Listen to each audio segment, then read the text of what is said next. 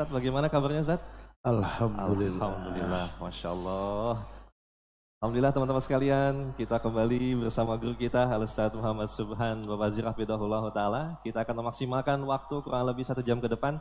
Kita akan bersama-sama menimba banyak faedah yang kita sampaikan dengan tema, Masya Allah, yang sudah Ustaz siapkan. Benci tapi rindu, Masya Allah. Kepada Ustaz kami persilahkan, Pak Tafadol, Masyurah. Terima syukran, Alfin. A'udzu billahi minasyaitonir rajim. Bismillahirrahmanirrahim. Assalamualaikum warahmatullahi wabarakatuh. Waalaikumsalam. Alhamdulillah. Alhamdulillahilladzi an amana bi ni'matin kasirah. Allati bitilkan ni'ma na'mal salihan bibahsi rizqa minhu litanawulil jannah min babi husnal khatimah.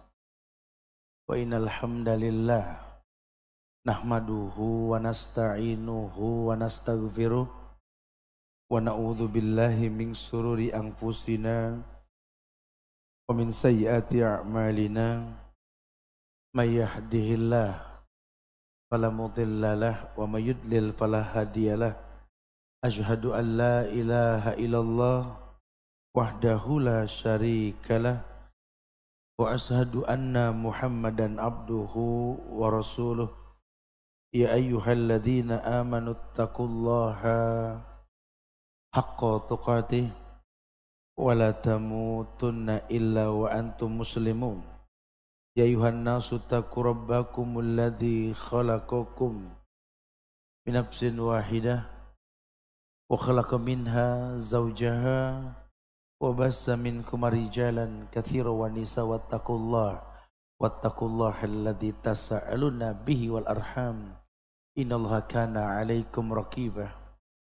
يا أيها الذين آمنوا اتقوا الله وقولوا قولا سديدا. يصلح لكم أعمالكم ويغفر لكم ذنوبكم. وما يطع الله ورسوله فقد فاز فوزا عظيما. أما بعد فإن أحسن الكلام كلام الله وخير الهدى هدى محمد صلى الله عليه وسلم وشر الأمور محدثاتها وكل محدثة بدعة وكل بدعة ضلالة وكل ضلالة في النار. Ma'asyiral muslimin wal muslimat sahabat-sahabat Rabbanians, brother side and sister side yang semoga Allah muliakan dunia dan akhirat. Alhamdulillah kita bersyukur pada Allah kembali Allah mudahkan kita untuk bisa berkumpul di Masjid Agung yang mulia ini. Masjid Agung Al-Azhar yang kita cintai yang semoga Allah selalu jadikan tempat ini sebagai taman-taman penyubur iman yang bisa meredam berbagai macam permasalahan di ibu kota khususnya Indonesia secara umum. Karena kita butuh diangkat oleh Allah derajat kita untuk tetap menjadi orang yang layak untuk dimuliakan oleh Allah.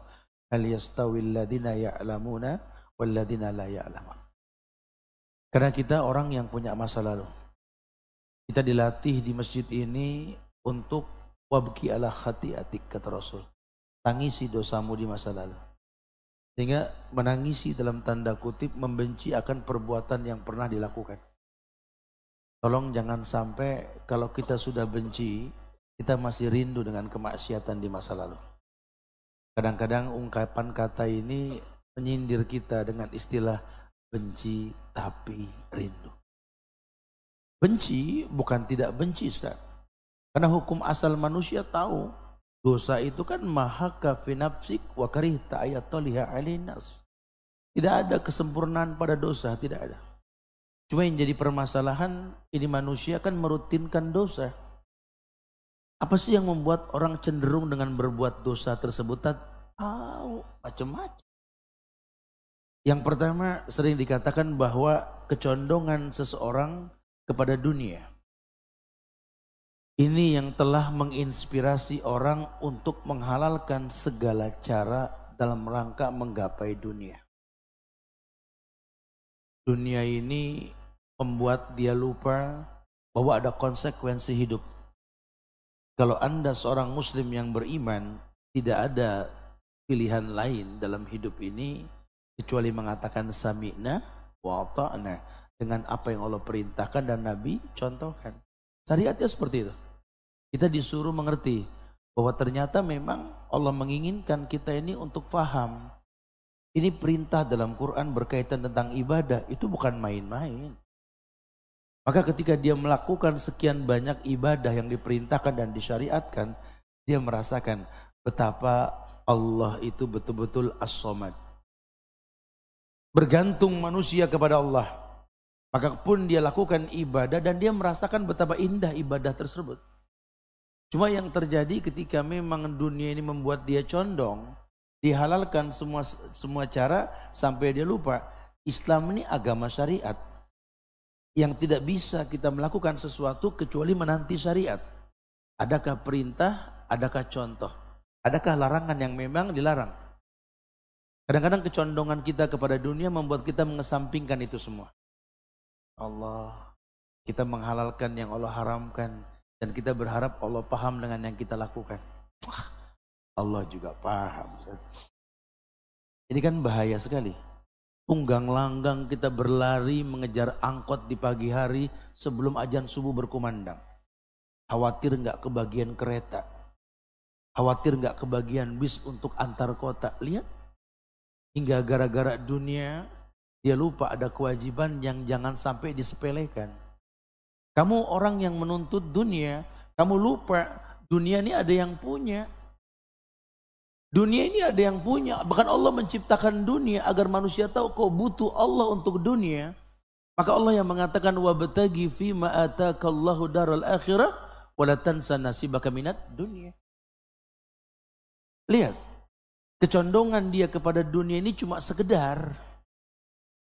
Tadi waktu saya mau naik kemari ini di bawah sempat dikasih tulisan ini bagus nih Ustaz. Kenapa? Ada celotehan seorang murid yang mengomentari gurunya yang berasal dari Mesir. Namanya Syekh Muhammad Abdul Karim.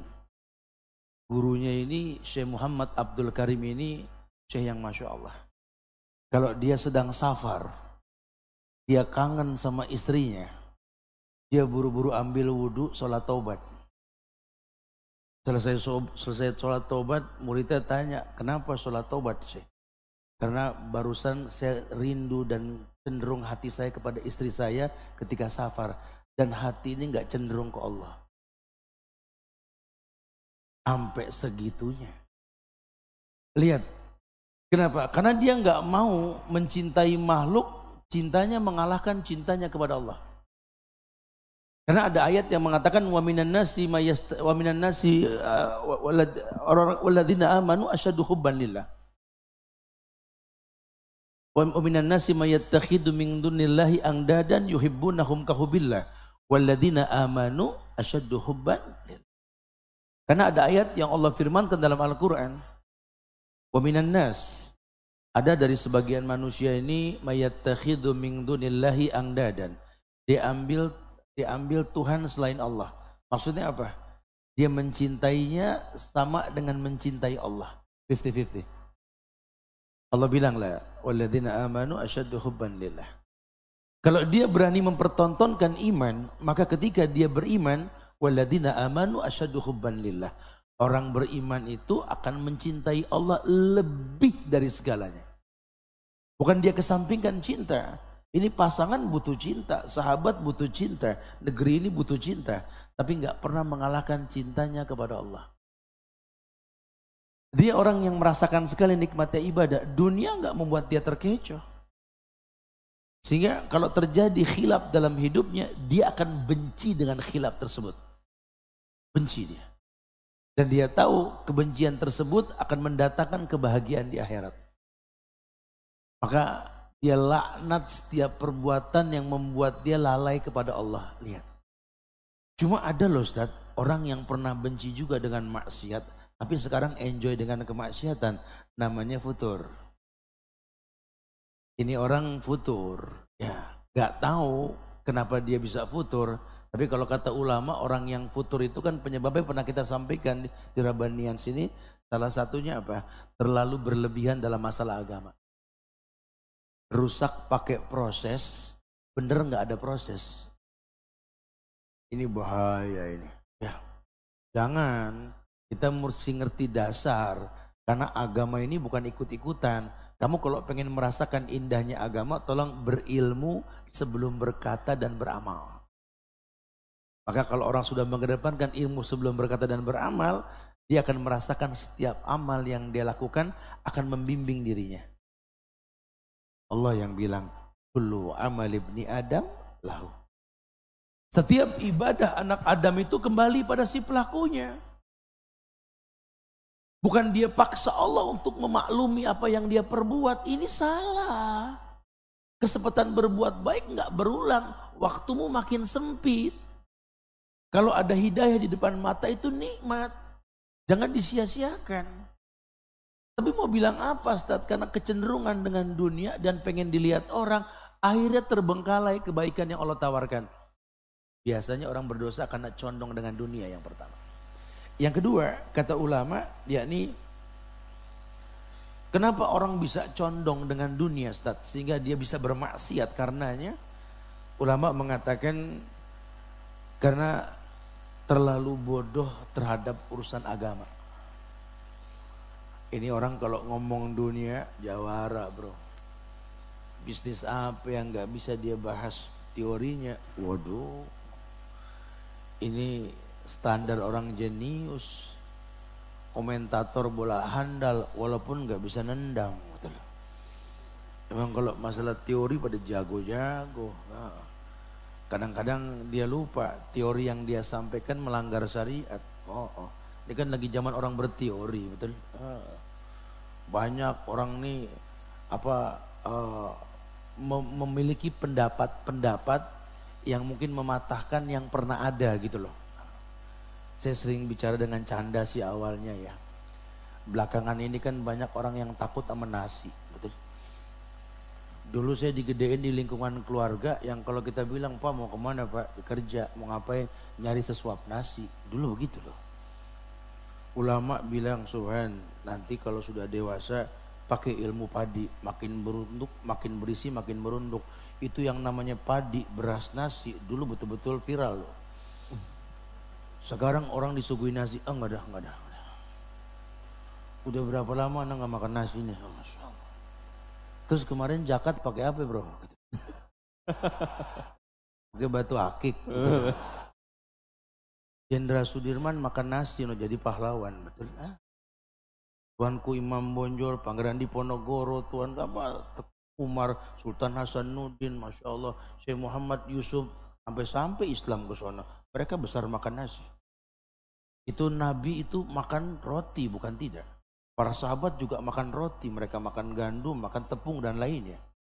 Ini bahaya sekali nih. Saya khawatir sekali ketika kita fitnah makanan ini, petani besok nggak ada yang laku padinya, betul? Bukan begitu bahasa agama. Ada yang bilang, Ustadz, Ustadz mau makan cumi gak Ustadz? Saya bilang mau. Ustadz nggak takut kolesterol. Eh, kolesterol dari mana? Dengerin ya. Ini cumi di laut. Kata-kata Rasul, kullu fil bahri halal. Setiap yang di laut halal. Maka kalau statement halal berarti baik. Cuma jangan berlebihan. Nabi sudah bilang, kullu fil bahri halal. Setiap yang di laut halal. Kecuali kapal nelayan, jangan dimakan gitu ya. Lagi ini cumi dibeli sama orang soleh.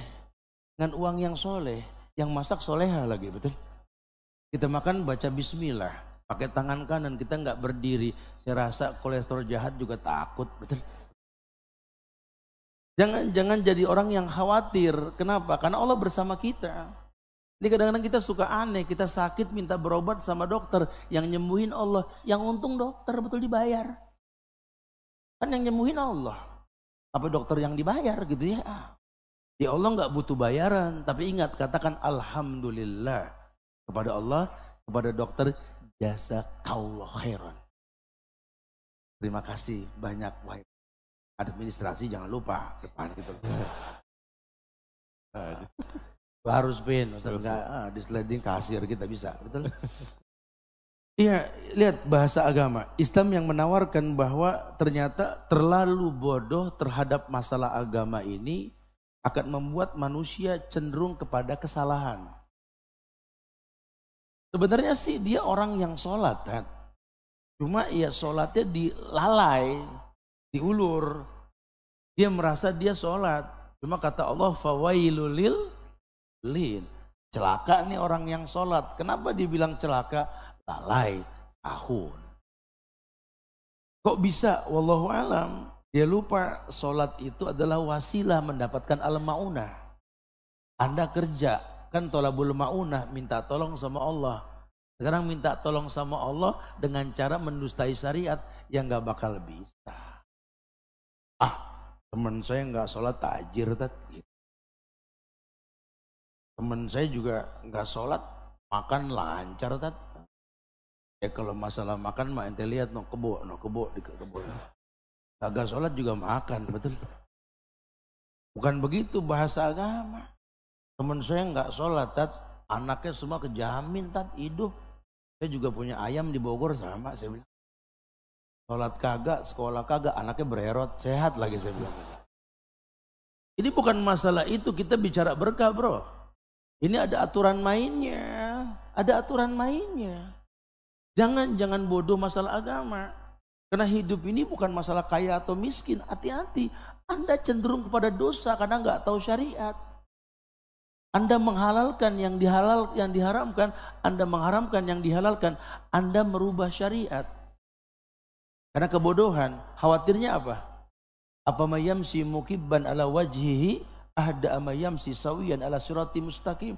Takutnya dibalik entah di akhirat sama Allah. Jalan pakai kaki ente ngesot pakai muka. Kenapa? Hukum dibolak-balik. Jangan, jangan berubah. Kita harus tetap jadi mutiara walaupun berlumpur tetap mutiara. Kayak anak bangsa di negeri mulia Indonesia ini. Tumpang tindih fitnah politik ini jangan terwarnai bro. Tetap ngaji. Ya gimana kondisi politik begini? Udah Allah nggak buta, santai aja. Emang nggak pernah ada kaum yang dimusnahin sama Allah? Banyak di Quran. Oh kaum Nabi Nuh, eh kita mah kecil-kecil paling 180 udah dibilang bongsor betul. Zaman Nabi Nuh 60 hasta, ente bayangin 60 hasta tuh. 60 kaki. 60 kali 30 18 meter satu orang. Bayang kalau 18 meter kumpul semua di Al-Azhar betul. Ini masjid kayak puzzle kecil betul-betul. Ini orang yang 18 meter saja Allah musnahkan. Apalagi kita yang 180 paling tinggi. Ya encar betul. Kaum Ad, kaum Samud, no lihat. Bisa mengukir gunung. Tuh orang-orang hebat, kuat, mati kalau durhaka. Banyak kaum yang sudah Allah musnahkan, lihat. Ahli politik seperti Haman. Pemimpin yang jenius tapi buruk seperti Fir'aun, lihat. Musnah. Musnah, nggak usah khawatir, jangan terkecoh kalau hukum dunia sudah nggak bisa menyentuh mereka, hukum Tuhan yang bakal turun. Kalau Allah turunkan hukum, nah kita yang perlu kita apa? Kita perlu dekat sama Allah supaya terlindungi dari hukum tersebut. Allah akan jaga kita. Allah akan selamatkan seperti Allah selamatkan kaumnya Nabi Nuh. Allah akan selamatkan seperti selamatnya kaumnya para nabi-nabi yang diselamatkan oleh Allah. Jangan terkecoh. Jangan Anda condong dengan kemaksiatan. Ayo dong berilmu, jangan terlalu bodoh. Supaya kamu tahu kamu salah, kamu benci dengan kesalahan tersebut, bukan enjoy. Kamu kurang beristighfar betul. Kamu sempat terkecoh kemarin betul. Kecenderungan yang kedua itu orang berbuat salah karena memang dia orang yang betul-betul terlalu bodoh untuk urusan agama. Yang ketiga, Ini kita bongkar dulu sedikit nih supaya kita benci dengan kesalahan-kesalahan tersebut. Yang ketiga, hidup kita ini terlalu sering taklid akma. Beragama dengan ikut-ikutan, dia lupa agama ini syariat yang perlu kita ikuti. Ittabi'u wala tabtadi'u faqad kufitum. Agama ini tinggal nyontoh. Jangan bikin yang baru, sudah sempurna. Makanya jangan dilongkap-longkap kalau belajar sehingga kita tahu mana syariat Quran, mana syariat hadis, mana pendapat ulama. Sahabat melakukan tidak, asik ngerjainnya. Tahu agama sudah sempurna. Anda orang yang terjebak dalam kesalahan, cenderung berbuat dosa karena terbiasa taklid. Tadi ikut-ikutan, ini kan dunia sosial media. Apa yang viral itu yang diikuti. Jangan lupa, kita punya sejarah. Harga diri kita itu ketika kita paham sejarah. Yang zaman dulu merupakan sebuah kebaikan, sampai kiamat juga kebaikan. Lihat pola hidup mereka, lihat. Lihat cara mereka survive pada sebuah tempat, lihat. Nabi tinggal di Arab, pola hidupnya lihat. Dengan cuaca panas yang dimakan ya sesuai dengan iklim yang ada. Kita tinggal di Indonesia dengan iklim yang gak sama dengan Arab. Jangan paksakan seperti di Arab. Kalau kita lihat orang Islam sampai ke Eropa, lihat bagaimana Islam sampai ke Eropa, bagaimana kita, mereka bisa bertahan di Eropa, lihat. Lihat, lihat, lihat, lihat. Jangan, jangan sampai kita menganggap bahwa dunia ini sama semua, beda. Likuli makomin makomun, walikuli makolin makolun. Semua ada tempatnya. Semua ada tempatnya. Lihat bahasa agama, Islam pengen kita jangan jadi orang yang ikut-ikutan. Lihat kondisinya. Kita kan makhluk yang tidak berevolusi. Ustaz sering bilang loh. Kita ini manusia nggak ada evolusi. Binatang bisa berevolusi. Kita ini beradaptasi. Bisa survive di sebuah tempat dengan adaptasi. Selama itu halal Allah akan muliakan. Kenapa? Al halal bayin wal haram bayin. Wa umur bainahuma mustabihat. Karena Nabi nggak ngomong main-main ya. Halal jelas, haram jelas. Antara halal dan haram ada syubhat. Ayo Coba perhatikan. Tidak ada keburukan pada yang halal, tidak ada kebaikan pada yang haram. Yang subhat, Nabi yang mengatakan, "Pamanitaqo syubhat faqad istabralidini wa irdi." Orang yang menjauhkan syubhat telah menjaga agama dan kehormatan. Coba lihat. Sering dibilang, kita ini beradaptasi bukan berevolusi.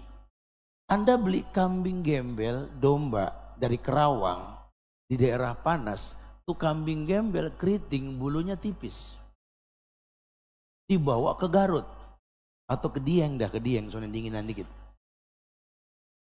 Ini peranakan kedua ketiga itu gimbal bulunya. Karena evolusi. Anak berikutnya menyesuaikan iklim di mana dia dilahirkan. Tapi orang Kerawang nggak berbulu. Pindah ke Dieng bukan bewok. Betul. Pasti beli jaket kulit. Namanya adaptasi itu bro ya. Ingat kita ini nggak berevolusi nih ya. Tetap kalau nggak ada bulu mau pindah ke tempat yang beku juga tetap nggak berbulu betul. Karena kita bukan manusia yang bisa berevolusi, bukan. Kita bisa beradaptasi. Nah adaptasi itu punya standarisasi, jangan ikut-ikutan. Berikan sebuah alasan, tetap ada syariat yang menjadi pembimbing hidup kita. Nah, di yang ketiga, di yang ketiga ini sering sekali dengan taklid. Kemudian yang keempat, kecenderungan orang berbuat dosa ini karena lalai terhadap tujuan hidup. Lalai terhadap tujuan hidup. Ini orang Ustaz nggak ngerti hidup mau apa Ustaz. Sehingga yang dia tahu survive dia di atas dunia ini, ya ini memang keinginan dia. Ujungnya dia paksa Allah. Kamu ini menangkap awan, nggak ada untungnya. Kamu besarkan sesuatu yang gak ada manfaatnya. Umurmu ini makin hari makin berkurang. Mesti kamu pikirkan bikul khairat. Ayo berlomba-lomba untuk sebuah kebaikan. Jangan ditunda. Kemampuan kamu berdiri sholat hari ini, besok belum tentu. Mungkin besok kau tak mampu berdiri, tapi kalau hari ini kamu bisa sholat berdiri, lakukan. Hari ini kau bertemu dengan pengemis, punya duit, bersedekahlah. Jangan tunda besok. Hari ini bisa berbuat baik, jangan tunda besok. Itu prinsipnya para sahabat. Ida amsaita fala tantazir sobah, wa ida asbahta fala tantazir masa. Kalau mereka bisa begitu Ustaz, mereka tidak lalai dengan tujuan hidup. Mereka tahu hidup ini untuk apa. Oh, nggak terbuang percuma, nggak repot. Teman-teman Nabi juga pada nongkrong, anak muda nongkrong zaman Rasul. Nabi bilang kalian jangan nongkrong ini. Tapi kita nggak bisa meninggalkan majlis nongkrongan kita. Kata Nabi kalau nggak bisa tolong berikan hak jalan. Nabi nggak melarang, emang anak muda nongkrong betul. Hobinya nongkrong, dibubarin, galakan dia. Ya, hati-hati, kita harus berilmu nih. Jangan kita jadi orang yang kaku dalam beragama. Ya, kalau bisa kita warnain. Islam nggak ngelarang nongkrong, warnain tongkrongan. Bikin pojok ilmu. Tujuannya apa? Supaya ada dialog agama. Alhamdulillah melalui Rabanian. Sekarang banyak tongkrongan yang diomongin agama. Dulu yang diomongin anak orang mulu, betul. Oh, apalagi anak yang pertama. Waduh, oh, gini, kenapa? Uh, lu udah lihat belum? Pokoknya tongkrongan isinya bohong semua. Kalau sekarang kan enggak. Kita nongkrong minum-minum di pinggir jalan nih banyak tukang kopi di sini kita ngopi pakai tangan kiri, bro bro bro bro. Rasul paling ngelarang tuh. Kita syari ba'adukum faliyasrob bil yamin. Kalau minum-minum pakai tangan kanan jangan tangan kiri. Masih ngebandel juga dengerin nih. Inna syaitan yasrob bishimal. Mak setan yang minum pakai tangan kiri. Pertigatan gitu ya. ya kan kalau bahasa gaul kan bebas ya. Ini enaknya kita berteman ini bebas kita ngomong. Ya asik sekarang tongkrongan ya punya standar. Lagi asik-asik nongkrong, Allahu Akbar, Allahu Akbar. Oh, langsung berdiri bareng. Dulu ajan kita berdiri sendiri teman bilang mau ke mana bro? Ajan, cia ajan. Duduk lagi kita betul. Ngedrop langsung. Sekarang alhamdulillah enggak. Karena tongkrongan terwarnai, tongkrongan terwarnai. Iya, eh alhamdulillah. Ini jangan disalahkan. Makanya kalau orang nongkrong jangan suka disalahkan. Buat yang gak hobi nongkrong jangan bawel deh. Ah, sekarang kan teknik penyampaian dakwah ini kan bebas dari zaman sahabat juga bebas, cuma manhaj jangan dirubah. Ah, manhaj jangan dirubah, tetap ada aturan main dalam dakwah ini yang kita nggak bisa salahkan. Sudah ada SOP-nya. Cuma kalau approachingnya ini kan bebas, tiap daerah beda keadaannya. Betul, hati-hati. Orang pernah cenderung karena lalai tujuan hidup. Tapi kalau dia mengerti tujuan hidup, dia akan tahu bahwa hidup ini untuk apa. Enggak, enggak terbuang percuma waktu dia. Kalaupun dia bisa hilap, terjebak dalam kesalahan dalam tujuan hidupnya, dia akan benci dengan kesalahan yang dia lakukan. Dan yang kelima, orang ini bisa terjebak dalam kesalahan. Kenapa? Karena ketidakmampuan untuk apa? Mencegah ajakan-ajakan dari pintu-pintu kemaksiatan. Terlalu banyak set Anak udah nggak mau di sini tat. Anak belok ke sana ada yang ngajak juga. Anak nggak mau juga, anak mundur. Teman bilang di sini aja dah. Anak maju bingung tat. Mau ngajak, cuma ada dong yang nggak mau berarti anak yang salah tat. Enggak begitu. Ente guroba ya akhi.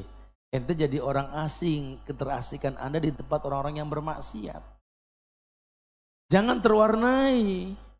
Kata Nabi apa? Addu alaikum binawajiz. Kalau Anda sudah ngerti hukum, jadi orang yang asing di tengah masyarakat yang berbuat salah, gigit hukum dengan gigi geraham. Sekalipun maut mendatangi kamu, tetap pegang hukum. Harusnya seperti itu. Ini orang mau berpolitik, jangan nimbrung. Nggak jelas, remeng namanya politik. Kita percaya sama janji paslon. Janji Rasul kita nggak yakini siapa kita. Rasul ngomong kita nggak mau, orang ngomong kita yakin, habis kacau kita. Kita lupa, kita berkelantungan di pundak-pundak orang yang dilaknat sama Allah. Astagfirullahaladzim. Ini kan berbahaya sekali. Nah, lima penyebab tersebut menjebak kita dalam kesalahan. Sehingga terjadilah kesalahan. Mulailah kita bermuhasabah, dakwah sampai kepada kita. Ada orang yang menyampaikan dakwah dengan bahasa yang asik, dengan landasan Quran Ketika Allah mengatakan walladzina jahadu fina lanahdiyanahum subulana. Ada ayat yang mengatakan orang yang bersungguh-sungguh fina di jalan kami kan kuberikan hidayah. Kalau Allah mengatakan kesungguhan mendatangkan hidayah, tugas kita membuat orang bersungguh-sungguh untuk belajar. Jangan bikin orang down. Tujuannya apa? Supaya dia mengerti dia seorang muslim harus mengislah kehidupannya. Dia mengislah tempat tinggal di mana dia tinggal. Karena dia mulai mengerti, ada ayat yang mengatakan dalam Al-Quran surat At-Tahrim ayat 6, ayat yang sudah kita hafal mungkin. Ketika Allah mengatakan, Ya ayyuhalladzina amanu ku anfusakum wa ahlikum nar. Orang bilang, Allah yang mengatakan, Ya ayyuhalladzina amanu ku anfusakum wa ahlikum Hei orang yang beriman, hei orang yang beriman, yang dipanggil yang beriman. Makanya yang bisa bertahan hidup di kecamuk fitnah dunia itu orang yang beriman. Nah tugas kita ini untuk mengajak teman-teman kita ini menstabilkan iman. Bagaimana iman naik dengan ketaatan, turun dengan kemaksiatan. Jangan tingkah laku kita ini membuat orang tuh malas bertakwa. Harusnya kita menginspirasi orang berbuat baik. Jadilah orang yang kalau orang ngelihat kita tuh bertasbih. Tiap ketemu kita, Subhanallah. Asli Tat, anak kalau ngelihat dia Tat, kita masjid aja Tat. Kita nggak suka geeran, biasa aja. Jangan terus belaga batuk. Santai aja bro. Ya ini Alhamdulillah. Berarti muka kita menginspirasi orang untuk ibadah. Oh dulu zaman dulu mau tat mukanya tat lecek. Sekarang pas dia kenal wudhu, kenal sholat, simatuhum min asari sujud, ada bekas sujud. Ya teman kalau ngelihat dia tuh lagi ngebohong aja langsung tobat. Benar-benar mukanya itu inspiratif buat masalah ibadah. Tat. Religi banget tampangnya tat. Betul. Jadi sih emang anak marbot, betul ya. Jadi kalau inget-inget bapaknya Kang Ajan. Betul. Ya paling tidak orang kalau ngelihat kita ini terinspirasi buat berbuat baik harusnya begitu. Bukan malah tiap ngelihat muka kita istighfar. Astagfirullahaladzim. Antum kalau orang tiap ngelihat muka antum istighfar, antum punya masalah dalam hidup berarti. Ya kan bagus Ustaz, gara-gara anak dia istighfar. Ya ntar dulu penyebabnya apa nih? Kalau dia pegal sama ente kan beda hal ya. Tapi kalau dia ngelihat ente orang baik, dia berbuat salah, Astagfirullah ya Allah. Jadi malu ada orang baik lewat. Tapi kalau orang baik ngelihat kita istighfar berarti kita yang salah. Ya, orang baik habis sholat berjamaah di masjid turun tangga al azhar ngelihat kita nggak sholat astagfirullah nah, masalah berarti ini kalau bisa tidak kita orang yang perlu tahu bahwa mulai mengislah diri kita karena perintah Ya ayyuhalladzina amanu tadi cuma orang beriman. Ku anfusakum wa ahlikum nar. Karena Allah yang perintahkan menjaga diri dan keluarga, maka dia benci dengan keburukan yang pernah terjadi. Dan dia protected dengan keburukan yang harus terjadi. Dia tidak mau ada kejadian lagi. Dia berusaha untuk murokobah dalam hidupnya. Mengawasi diri dengan ibadah yang dia lakukan. Ya Allah, Ustaz, karena nih Alhamdulillah berapa bulan ini nggak punya ide sama dosa. Tat. Sekarang mulai ada ide lagi, apalagi tiap dia lewat pengen berdosa aja tat, betul ya? Pengen ngeledek, pengen ngecak, emang mukanya kocak sih tat, gitu. Jadi kita ngeliat muka dia pengen ngeledek aja. ada yang begitu. Tapi kalau orang tahu itu dosa kan istighfar, astagfirullahaladzim. Nah, Orang ini kalau sudah tahu dia murokobah. Makanya anak lagi kenceng sama sholat ini. Kalau masalah lima waktu sih jangan dibahas Ustaz. Emang wajib. Anak lagi kenceng beliau badan Ustaz. Apalagi yang namanya tahajud. Itu melihatnya tak setiap setengah dua anak online. Maksud lo apa nih? Gitu. Biar ketahuan dia witir. ya. Dia orang yang Masya Allah, dia tahu manfaat sholat ini tadi seperti Syekh Muhammad uh, Ramadan Abdul Karim tadi.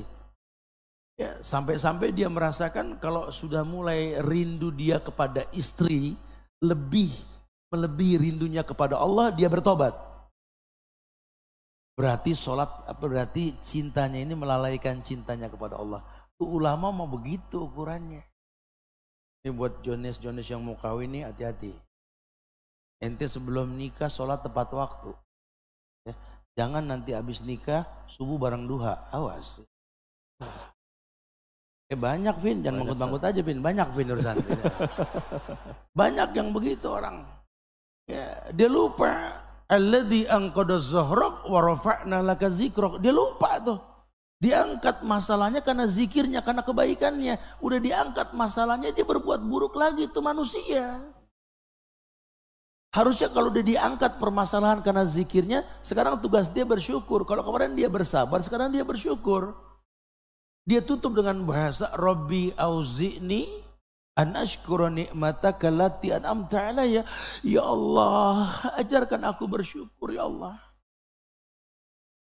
Di tengah ujianmu yang menderu hidupku, kau istiqomahkan aku di atas jalan yang benar. Bahkan di tengah-tengah masyarakat yang berbuat maksiat ini, ya Allah, kau dekatkan seorang yang baik di hadapanku, ya Allah. Gerakan hati untuk memiliki kebaikan tersebut, ya Allah. Minta. Ini kita lupa. Lantar jial ayyumul lati. Hari nggak berulang. Hari nggak berulang. Kamu punya kesempatan sekarang, besok belum tentu. Makanya di Islam kalau ada orang baik datang kepada seorang wanita, jangan ditunda. Keburukannya akan kau rasa. Begitu pula sebaliknya. Ini istitoah kemampuan. Anda jangan ngayal sukses kalau belum nikah, ente belum mampu, bray.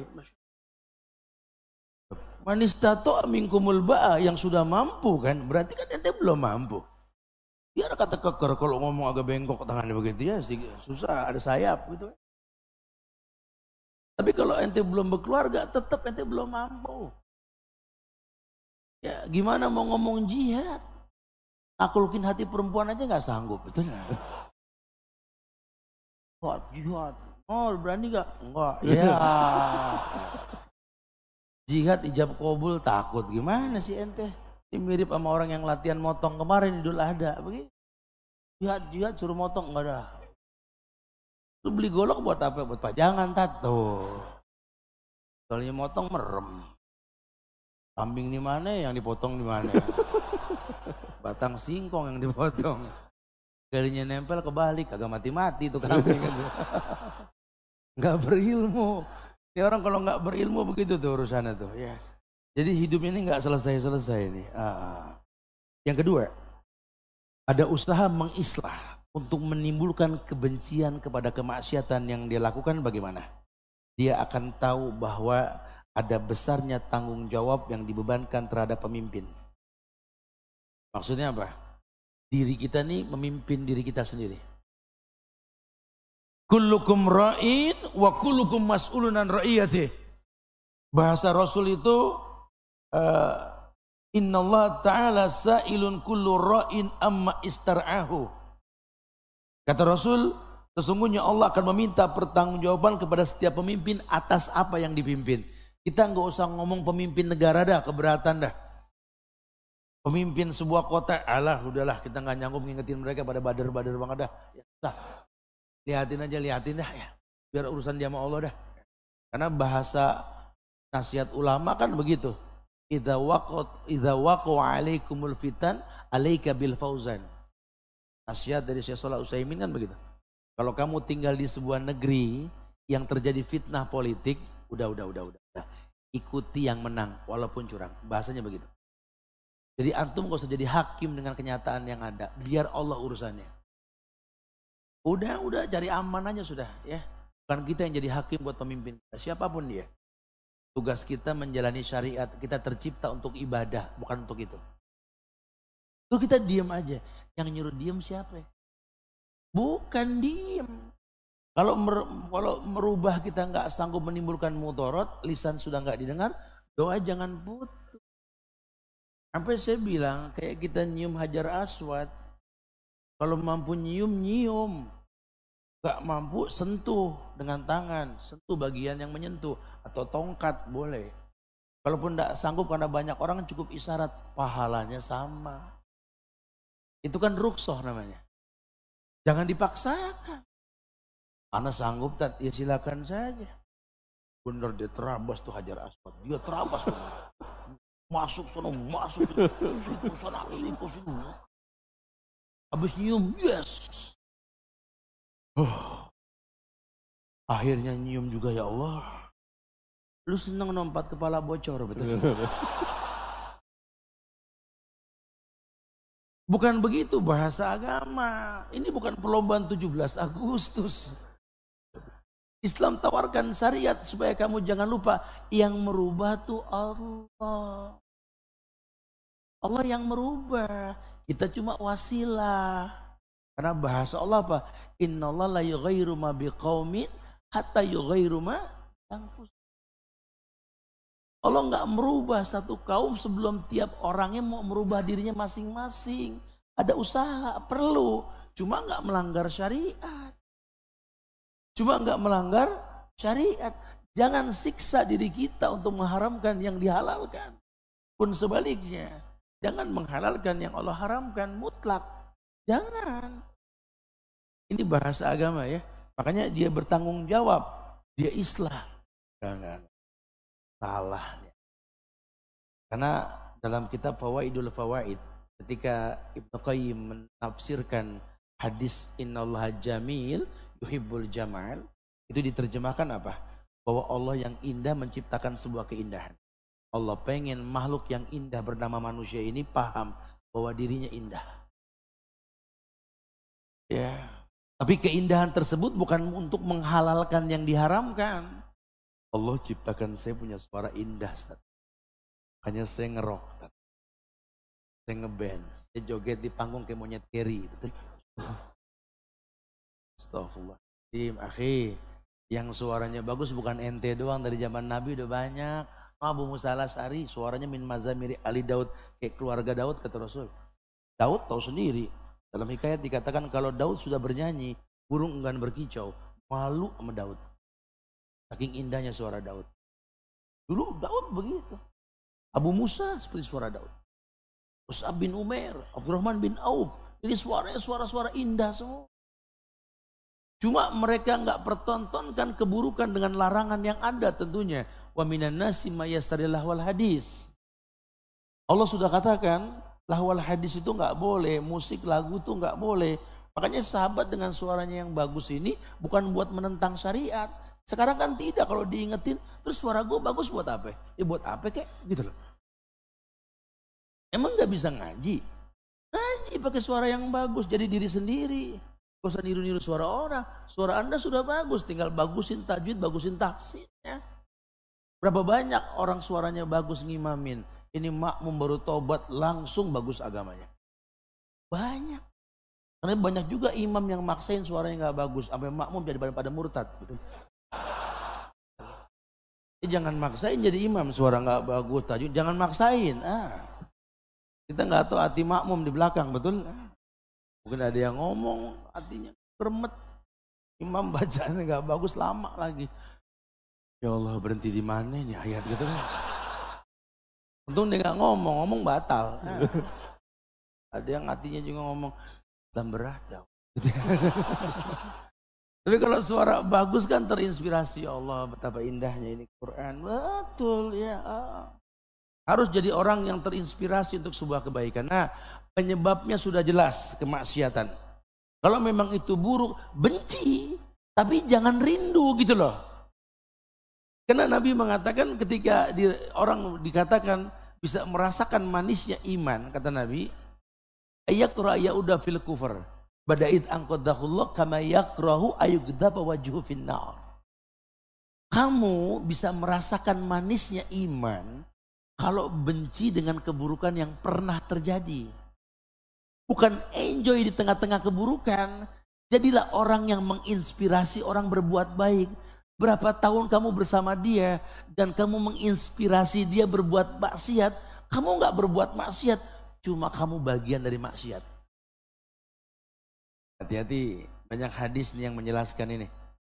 Ada orang yang mengatakan sesuatu tanpa dia pikirkan lagi, gara-gara perkataannya orang berbuat dosa. Allah masukkan dia ke dalam neraka sejauh timur dan barat. Hati-hati. Ah, ah aku sih nggak apa-apa tad dizolimin tad. Bukan masalah nggak apa-apanya, ta'awunnya. Kamu telah tolong menolong dalam kemaksiatan gara-gara kamu dia berbuat dosa. Kamu nggak berfungsi. Karena Islam tawarkan khairun nas anfa'uhum linnas, sebaik-baik manusia yang paling bermanfaat buat manusia lainnya. Harusnya kamu itu membuat orang jadi baik. Udah sekian tahun kamu nggak membuat orang jadi baik. Kamu mau bertahan di tengah ketidakbaikan orang terhadap kamu.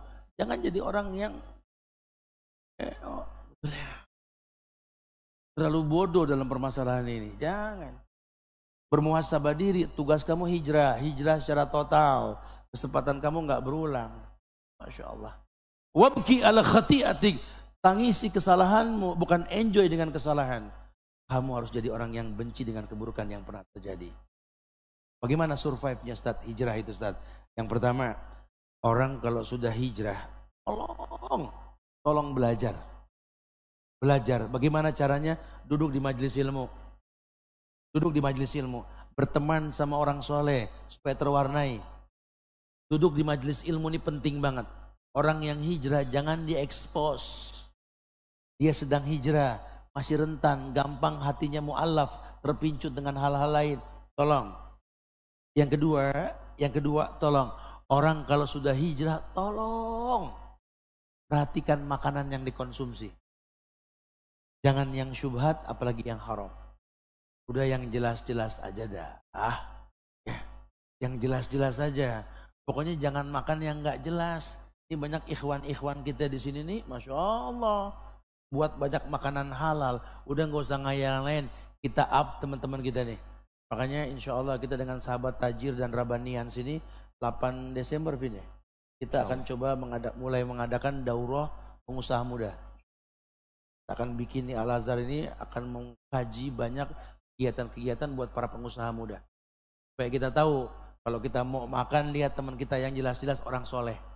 Saya sering sampaikan, mungkin beras nasi yang Anda makan itu membuat bahaya pada badan Anda karena bukan beras yang ditanam di Indonesia.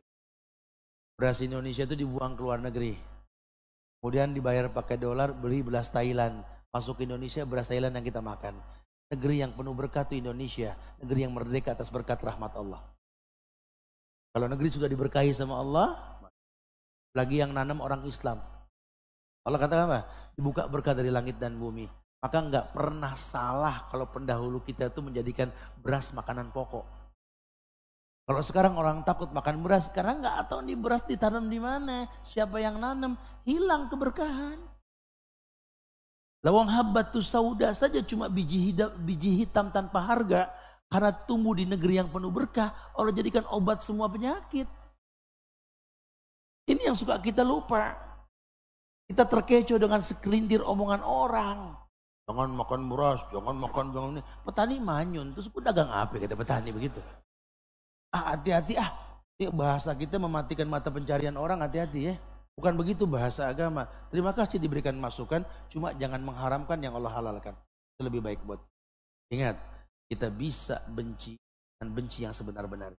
Jangan sampai benci tapi rindu dengan kemaksiatan yang kita lakukan. Dan yang terpenting yang ketiga, orang yang hijrah bersahabat dengan orang soleh. Cari pasangan. Cari teman yang. Kenapa? Almaru ala dini khalili. Orang tergantung. Wallahu Barakallah. Baik Ustaz. Sekian jazakallah khair. Niki pasangan soleh soleh hasil ya. Oh, Masya Allah. Situ lagi. Garis bawah. Ketiga aja. Tiga. Closingnya itu soalnya Mas. Oh, Masya Allah. Benar. Penekanan dong ya. Penekanan. Baik, Masya Allah. Demikian teman-teman sekalian, Alhamdulillah syukur Ustaz atas penyampaiannya. Kita akan perdalam bahasan materi kita dengan bersoal jawab. Silakan ya. jikalau akan ada pertanyaan, mungkin sister apa terlebih dahulu ya? Iya, sister siap nggak? Baik. Yang mau bertanya dari sisters? Bagi yang tidak ada uzur, Uh, sama sekali insya Allah ini majelis ilmu tetap berlangsung keberkahannya hingga usai jadi yang tidak tidak ada iya. kepentingan mendesak silakan untuk bisa mengikuti sampai selesai insya ya, Allah. mohon bertahan di majelis ilmu. Siap, sabar insya Allah. Baik, siapa tahu pertanyaan yang akan okay. disampaikan tadi jawaban atas masalah kita insya Allah. Baik. Sister, siap? Belum kita beradas dulu ya? Oke, okay, beradas dulu. Beradas dulu silakan beradas. beradas silakan. Yang dekat dulu, yang dekat dulu. Ya, ya. Ustaz yang jauh dekat kamu bentar. Baik, silakan ah. Bismillah. Assalamualaikum warahmatullahi wabarakatuh. Waalaikumsalam warahmatullahi wabarakatuh. Perkenalkan nama saya Iksan Ramadan dari Ihsan Ramadan. Kayak pernah nanya deh dulu ya. Iya pernah. Betul. Iya. Alhamdulillah. Sering. Alhamdulillah. Baik silakan silakan. Jadi gini saat ada pertanya- pertanyaan lebih mendekati penutup yang tadi oleh Soleha. Nah kan. Tips Ya, langsung, tadi ya. langsung kita pertanyaan, silakan. Jadi begini, eh, misal kita eh, sedang bertaruh gitu ya Ustaz. Bertaruh kemudian kita is- eh, sholat istihoroh gitu. Keduanya istihoroh, Ikhwan dan akhwatnya istihoroh. Kemudian di bagian Ikhwannya eh, lebih condong tidak melanjutkan. Tapi di akhwatnya lebih condong untuk melanjutkan bertaruh. Atau sebaliknya seperti itu. Pada saat memutus- memutuskan seperti itu, eh, nggak lanjut aruf tapi salah satunya menyimpulkan bahwa kok saya istihoro tapi lebih condong untuk melanjutkan ta'aruf jadi yang bener yang mana gitu Ustaz Em, Oh. ya gitu terima kasih aja. Assalamualaikum warahmatullahi wabarakatuh Waalaikumsalam. Warahmatullahi wabarakatuh. Saya tangkap Ustaz? Iya. Eh, Wallahu alam bisawab. Harusnya setiap ikhwan dan akhwat jika melangkah untuk menuju kepada pernikahan itu memiliki ilmu seperti amal sehingga selalu ada visi dan misi jelang pernikahan karena biasanya setan ini datang di antara keduanya imam membuat goyang iman atau mungkin memang membuat tawaran-tawaran yang memelencengkan niat. Ya, makanya antum harus lurus. Karena nikah ini bukan cuma sekedar hahaha gitu loh. Nikah ini bukan cuma sekedar warawiri berdua sampai kayak anak laron berdua. Gitu. Nikah ini panjang cerita. Nabi mengatakan eh, fa inni mukassirum bikumul umam yaumal qiyamah. Ada harapan Rasul pada pernikahan dua manusia ini, kata Nabi, bikinlah aku bangga dengan banyaknya umat. Umat yang mana? Umat yang mencintai beliau. Umat yang tahu tiga, empat konsekuensi syahadat, taat dengan perintah Nabi, menjauhkan larangannya, percaya dengan yang dikabarkan walaupun sifatnya gaib, tidak beribadah kecuali ada syariat. Maka nggak main-main. Pengen begitu, pengen ya Rasul. Gimana caranya? Tazawadul wadudul walud. Laki-laki menikah dengan perempuan al-wadud. Apa tuh al-wadud?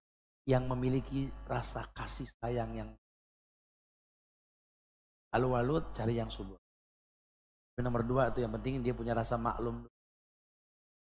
Nah ada juga nanti yang anaknya banyak cuma bikin pegel. Ada gitu ya. Kita pengen yang betul-betul membuat anda nyaman, sakinah bersama dia. Nah perempuan nikah dengan siapa? Khiyarukum khiyarukum linisaikum. Kata Nabi, sebaik-baik laki-laki itu yang paling baik dengan perempuan-perempuannya. Ibunya dan saudara perempuannya lihat muamalah dia. Kalau dia baik sama mama, sama adik eh, kakak perempuannya, nikah sama dia, dia bakal baik sama kamu. Atau mungkin lihat muamalah dia. Bagaimana dia mencintai negerinya.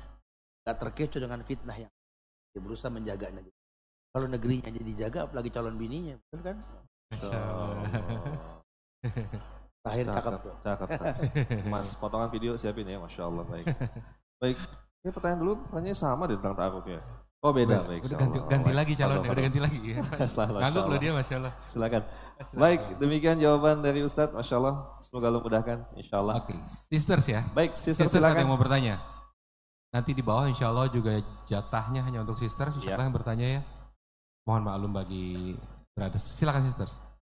Uh, Assalamualaikum warahmatullahi wabarakatuh. Waalaikumsalam warahmatullahi wabarakatuh. Uh, nama saya Meli Ya, dari silakan, Mbak Semarang. Ah, Silakan. Bu. Iya, Pak Ustadz, saya mau bertanya. Uh, saya punya saudara, adik-adik ya, laki-laki, uh, ada dua orang. Itu mereka meskipun sudah belajar agama, tapi masih banyak melanggar Pak Ustadz. Contohnya seperti sholat tidak tepat waktu, uh, dan masih merokok, uh, dan juga masih kurang bertanggung jawab terhadap orang tua. Nah, itu eh, bagaimana cara memberitahu atau menasehati adik-adik saya itu eh, supaya mereka mau mengerti dan mereka mau Iya. menerima. Oke. Baik, Mbak Meli. Berarti Ah. nanti bicara muamalah ya. Kalau sudah bicara muamalah, ini kita bicara musahabah. Teknik dakwah yang paling baik dalam Islam itu bagaimana kita bisa bersahabat dengan orang yang kita dakwahi. Ini teknik Rasul yang jarang dipakai sama orang sekarang. Orang cuma targetnya kalau Allah wa qala Rasul syariat disampaikan. Padahal harusnya dia paham bahwa Nabi tawarkan musahabah. Karena kalau sudah pakai bahasa persahabatan, kita bisa akan luas waktu dan kenyamanan. Contoh Rabanian sini. Makanya banyak sekali pecahan-pecahan contoh Rabanian di beberapa kota yang saya datangi, Sabang sampai Merauke ini, teman-teman terwarnai dengan teknik dakwah Rabanian ini. Kenapa? Karena kita bersahabat. Gak berasa sejam lebih loh, kita bisa nggak ngantuk duduk santai. Ternyata agama nggak bikin boring. Nah, dakwah dengan saudara kita juga sama. Bisa gak dia nggak boring dengan omongan kita? Kita nggak benarkan dia salah, dia merokok, dia mungkin berbuat yang nggak baik, dia salah. Cuma kan teknik penyampaiannya. Kalau kita cutting langsung, nggak akan pernah bisa. Cuma dijelaskan dengan ilmiah. Tapi tetap tahadu, tahabu. Ya, tetap saling memberi hadiah timbul cinta. Hadiah nggak identik dengan benda. Ucapan yang baik, kata-kata yang mendayu, membuat dia nyaman tuh hadiah buat batin dia. Baru kita bisa bicara yang baik. Ya, tanya doakan. Kenapa? Karena hidayah Allah yang mendatangkan bukan. Buat kita jangan bos. Teknik dalam dakwah itu ikhlas. Tekniknya itu. Makanya saya suka sarankan, yuk teman-teman latih diri kita untuk bisa menjaga keikhlasan hati guru ya supaya mereka tetap enjoy dalam menyampaikan agama ya makin ikhlas makin gampang sampai dah Allah oh. Iya Ustadz, yang menarik tadi Ustadz sampaikan saat kita bermaksiat dulu berproses, saat berhijrah berubah juga butuh proses. Ada ya? proses tentu. Baik, baik demikian Mbak Melia, semoga Allah mudahkan ya. dakwah kepada adik-adiknya. Sering-sering jajanin adiknya kali ya Mbak ya. Masya Allah. Baik. Oke, kita ke Brothers. Silakan. Brothers yang mau bertanya silakan. Uh, boleh yang di depan ini. Yang original, silakan. Hah? Mohon. Baik. Ya Allah. Ada hadiah tadi ya? Ada. Ada di bertanya, Masya Allah. Alhamdulillah. Ya, silakan Mas. Dinyalakan dulu. Assalamualaikum warahmatullahi wabarakatuh. Waalaikumsalam warahmatullahi wabarakatuh. Boleh tahu namanya Ustadz, nama saya Abi Siswanto dari Jakarta. Silakan Mas Abi.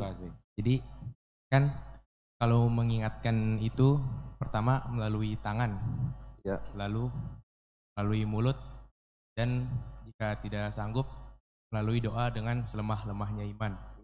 Itu itulah selemah-lemahnya iman.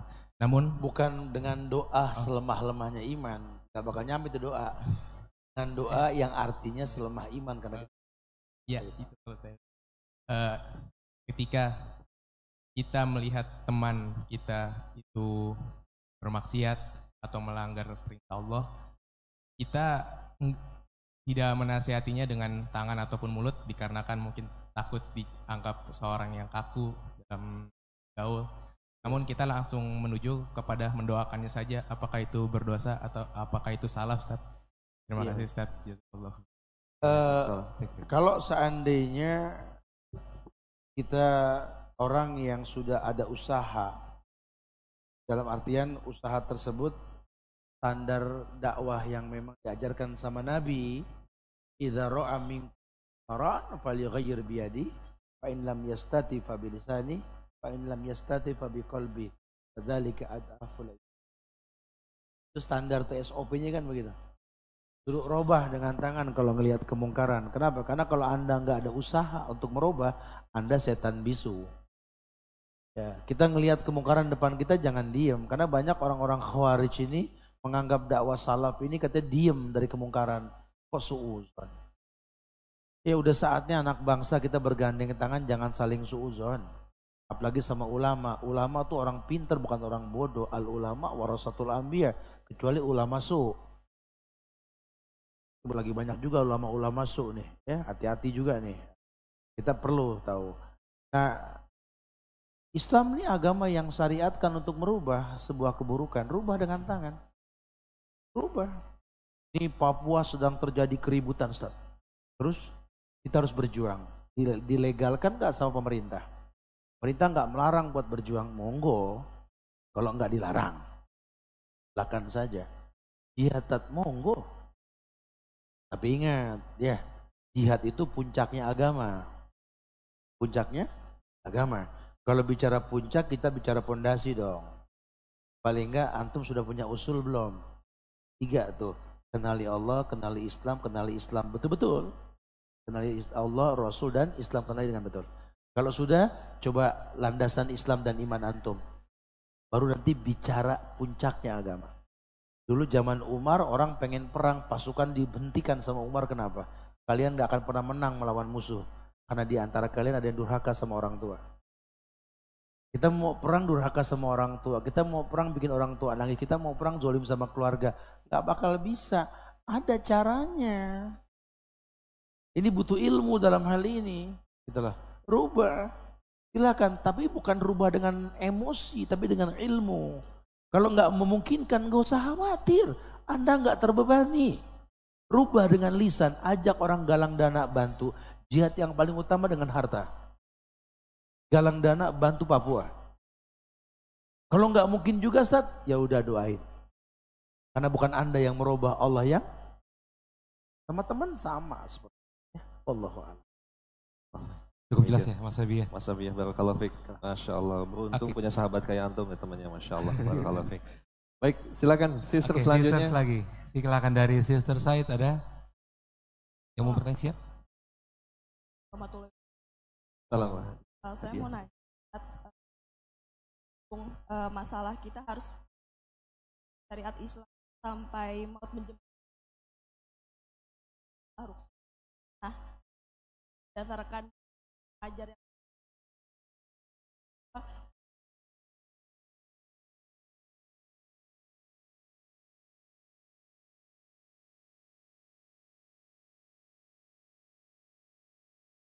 tapi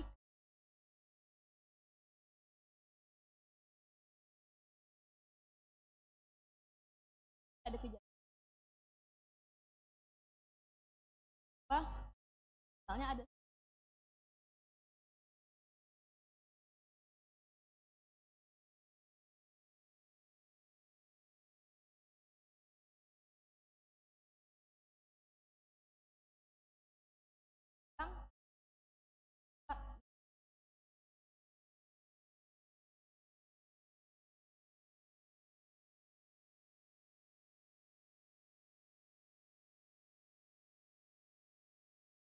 ada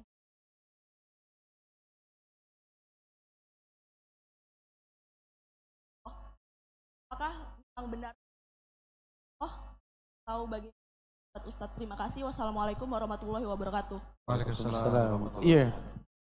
Dulu pernah ada kezoliman pada pemerintahan Quraisy di awal-awal kerasulan pada orang-orang yang masuk Islam pertama kali. Yang terkena itu keluarga Alu Yasir. Keluarga Alu Yasir.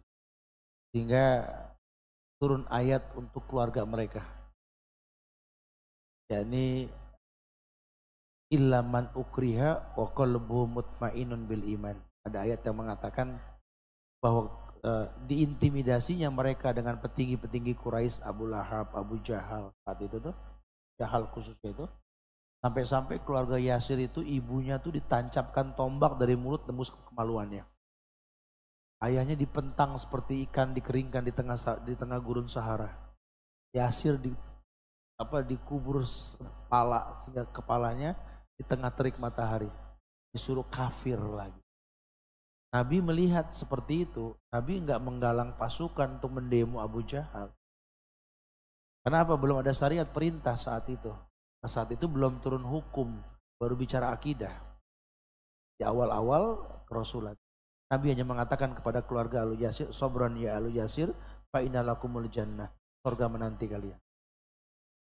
Saya nggak bisa berkomentar kalau memang sudah ada hadis yang mempertontonkan kita disuruh sabar ketika kita memang betul-betul nggak mampu.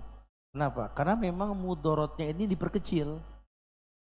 Maka tadi nasihat saya Soleh Fauzan, saya Muhammad Salah Usaimin mengatakan, Idza waqa'a alaikumul fitan, alaikum bil fauzan. Kalau kalian terjebak dalam sebuah fitnah di sebuah tempat, maka ikuti yang menguasa, berkuasa saat itu. Bukan berarti enjoy selamanya. Kenapa? Yakinlah Allah tidak tinggal diam. Gitu. Jadi berdiam. Walaupun nanti ada hadis lain yang mengatakan kalau Anda punya sesuatu yang Anda miliki, kemudian pengen dirampok, Anda mempertahankan apa yang Anda miliki, Anda dibunuh, Anda syahid. Ada dari tentang itu. Ya, itu kepemilikan pribadi. Tapi kalau sifatnya amah, beda. Islam juga nggak menyalahkan kalau seandainya kamu pengen dibunuh oleh penguasa, kamu melawan, Islam juga nggak menyalahkan. Pun kamu diam, Islam pun membiarkan. Kenapa? Karena memang Islam tawarkan keselamatan intinya. Jadi bukan berarti Anda nggak diperbolehkan mengambil alternatif lain, bukan. Cuma kalau nggak sanggup ya jangan dipaksakan.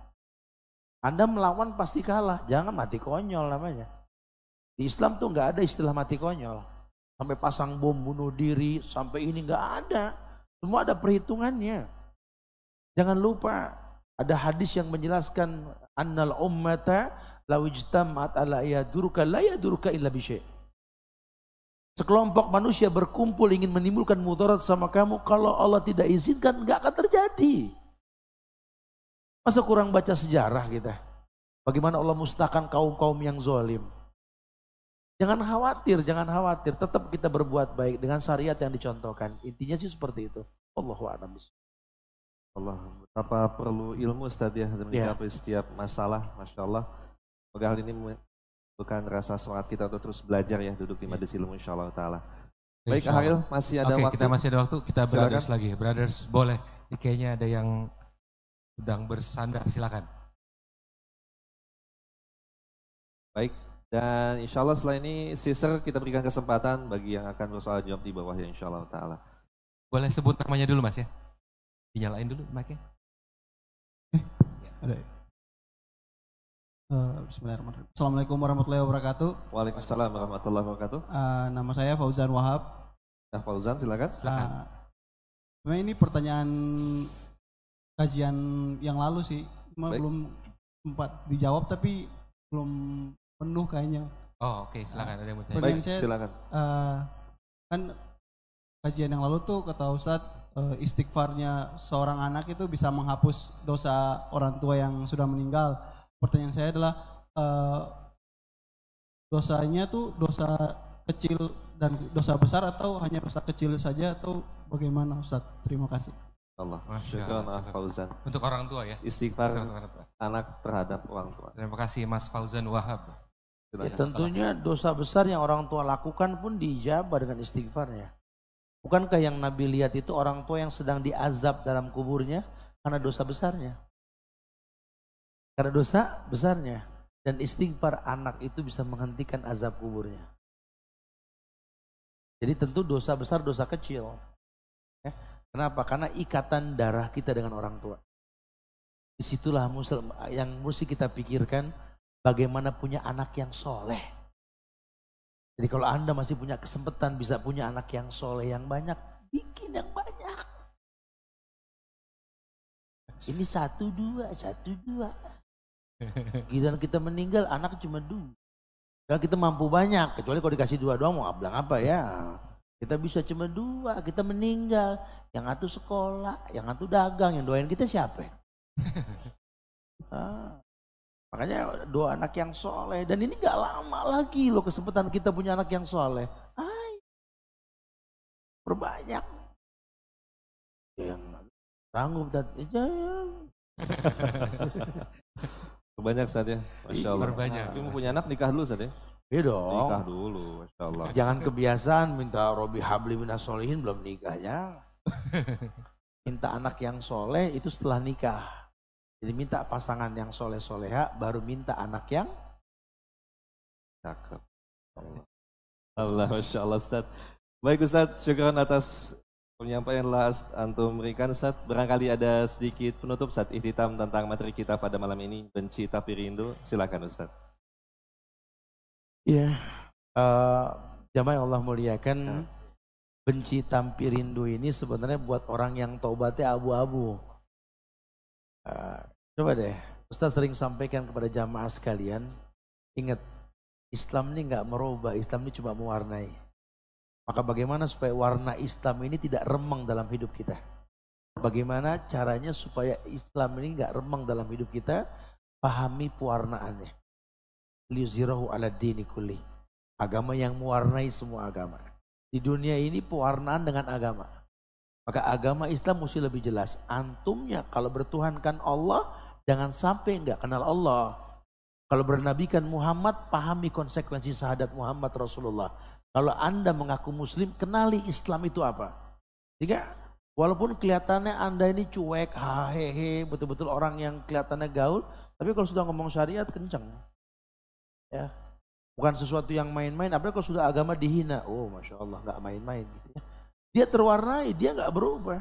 Tetap jadi orang yang asik. Ya semoga Allah jadikan kita orang yang betul-betul benci, tapi tidak rindu dengan maksiat. Ya, uh, Allah akan muliakan kita dengan kemuliaan yang banyak. Allah Masya Allah. Syukran Ustadz. Dan mohon izin Ustadz, sebelum ditutup kami dapat kabar. dapat kabar gembira Masya Allah. Ada kebaikan harus segerakan. Ada akhwat yang akan bersyahadat Ustadz. Oh Masya Allah. Masya Allah. Baru-baru banget kita dapat kabar. Masya Allah. Bisa dipersiapkan dari panitia sisters Said. Baik, silakan. Bisa persiapkan. Mic sudah siap. Baik, silakan. Oke, silakan. Dengan siapa Mbak? Dari mana? Mohon maaf. Waalaikumsalam, Waalaikumsalam warahmatullahi Mbak Aska dari Jakarta. Baik, ya. silakan disiapkan mic-nya dan didekat, didekatkan Mbak ya ke mulut. Ustadz silakan. Mbak Aska memang rencana dari awal, bagaimana? Bagaimana Mbak Aska? Oh, Masya Allah. Oh, Boleh Masya agak Allah. didekatkan mic-nya Mbak, yeah. agak kencang sedikit. Iya, yeah. satu bentuk kemuliaan yang Allah berikan kepada kita adalah hidayah kepada Islam. Allah akan memuliakan Mbak Aska ini dengan Islam. Tapi demi Allah, bahwa Islam tidak butuh manusia, manusia yang butuh Islam. Maka nasihat Ustadz buat Mbak Aska setelah ini, tolong jangan sampai nggak mendalami Islam. Jangan sampai nggak belajar agama dengan cara yang benar. Jangan sampai nggak memperhatikan makanan yang dimakan dan jangan sampai nggak berteman dengan orang-orang yang soleh soleha. Ya, uh, tapi nggak ada paksaan ya Mbak Aska ya. Insya Allah ya, yakin ya. Ya semoga teman-teman Rabanian menyaksikan ya betapa Allah turunkan hidayah sekehendak Allah. Sekarang kalau orang yang non muslim tertarik dengan Islam, kenapa kita orang Islam nggak mendalami Islam kita? Ya, Pak Aska, semoga menjadi sebuah kebaikan. Ikuti yang saya bacakan. Bismillahirrahmanirrahim. Ashhadu an la ilaha illallah wa ashhadu anna Muhammadan Muhammad. Rasulullah. Aku bersaksi tidak ada ilah yang berhak diibadahi dengan benar berhak kecuali Allah. Dan aku bersaksi Nabi Muhammad hamba dan rasul ya Allahu Akbar. Allahu Akbar. Allahu Akbar. Allahu Akbar. Allahu Akbar. Allahu Akbar. Semoga Allah istiqomahkan Mbak Aska dalam keislamannya insyaallah ya. Buat teman-teman yang mau membantu silakan. Karena merupakan sebuah bagian dari Islam ini kita bisa membantu orang tersebut untuk yang baru masuk Islam. Wallahu a'lam. Masya Allah. Masya Allah. Syukran Ustaz Barakallahu Fik Mbak Aska. Selamat datang ya. saudara baru kita. Masya Allah. Buat teman-teman sekalian. Masya Allah sebuah kegembiraan buat kita pertama saudara baru. Demikian acara kita teman-teman sekalian, Alhamdulillah ditutup dengan sebuah kebaikan yang luar biasa. Masya Jangan Allah. bosan untuk terus menuntut ilmu ya. Kita akan bertemu kembali di pertemuan akan datang. Baik, dan hati-hati di jalan bagi akhwat khususnya akan pulang. Kita akhiri majlis kita dengan membaca doa kafaratul majlis. Subhanallahumma bihamdika asyhadu an la ilaha illa anta astaghfiruka wa atubu ilaik. Wassallallahu ala nabiyyina Muhammadin wa ala alihi washabihi wasallam. Wassalamualaikum warahmatullahi wabarakatuh.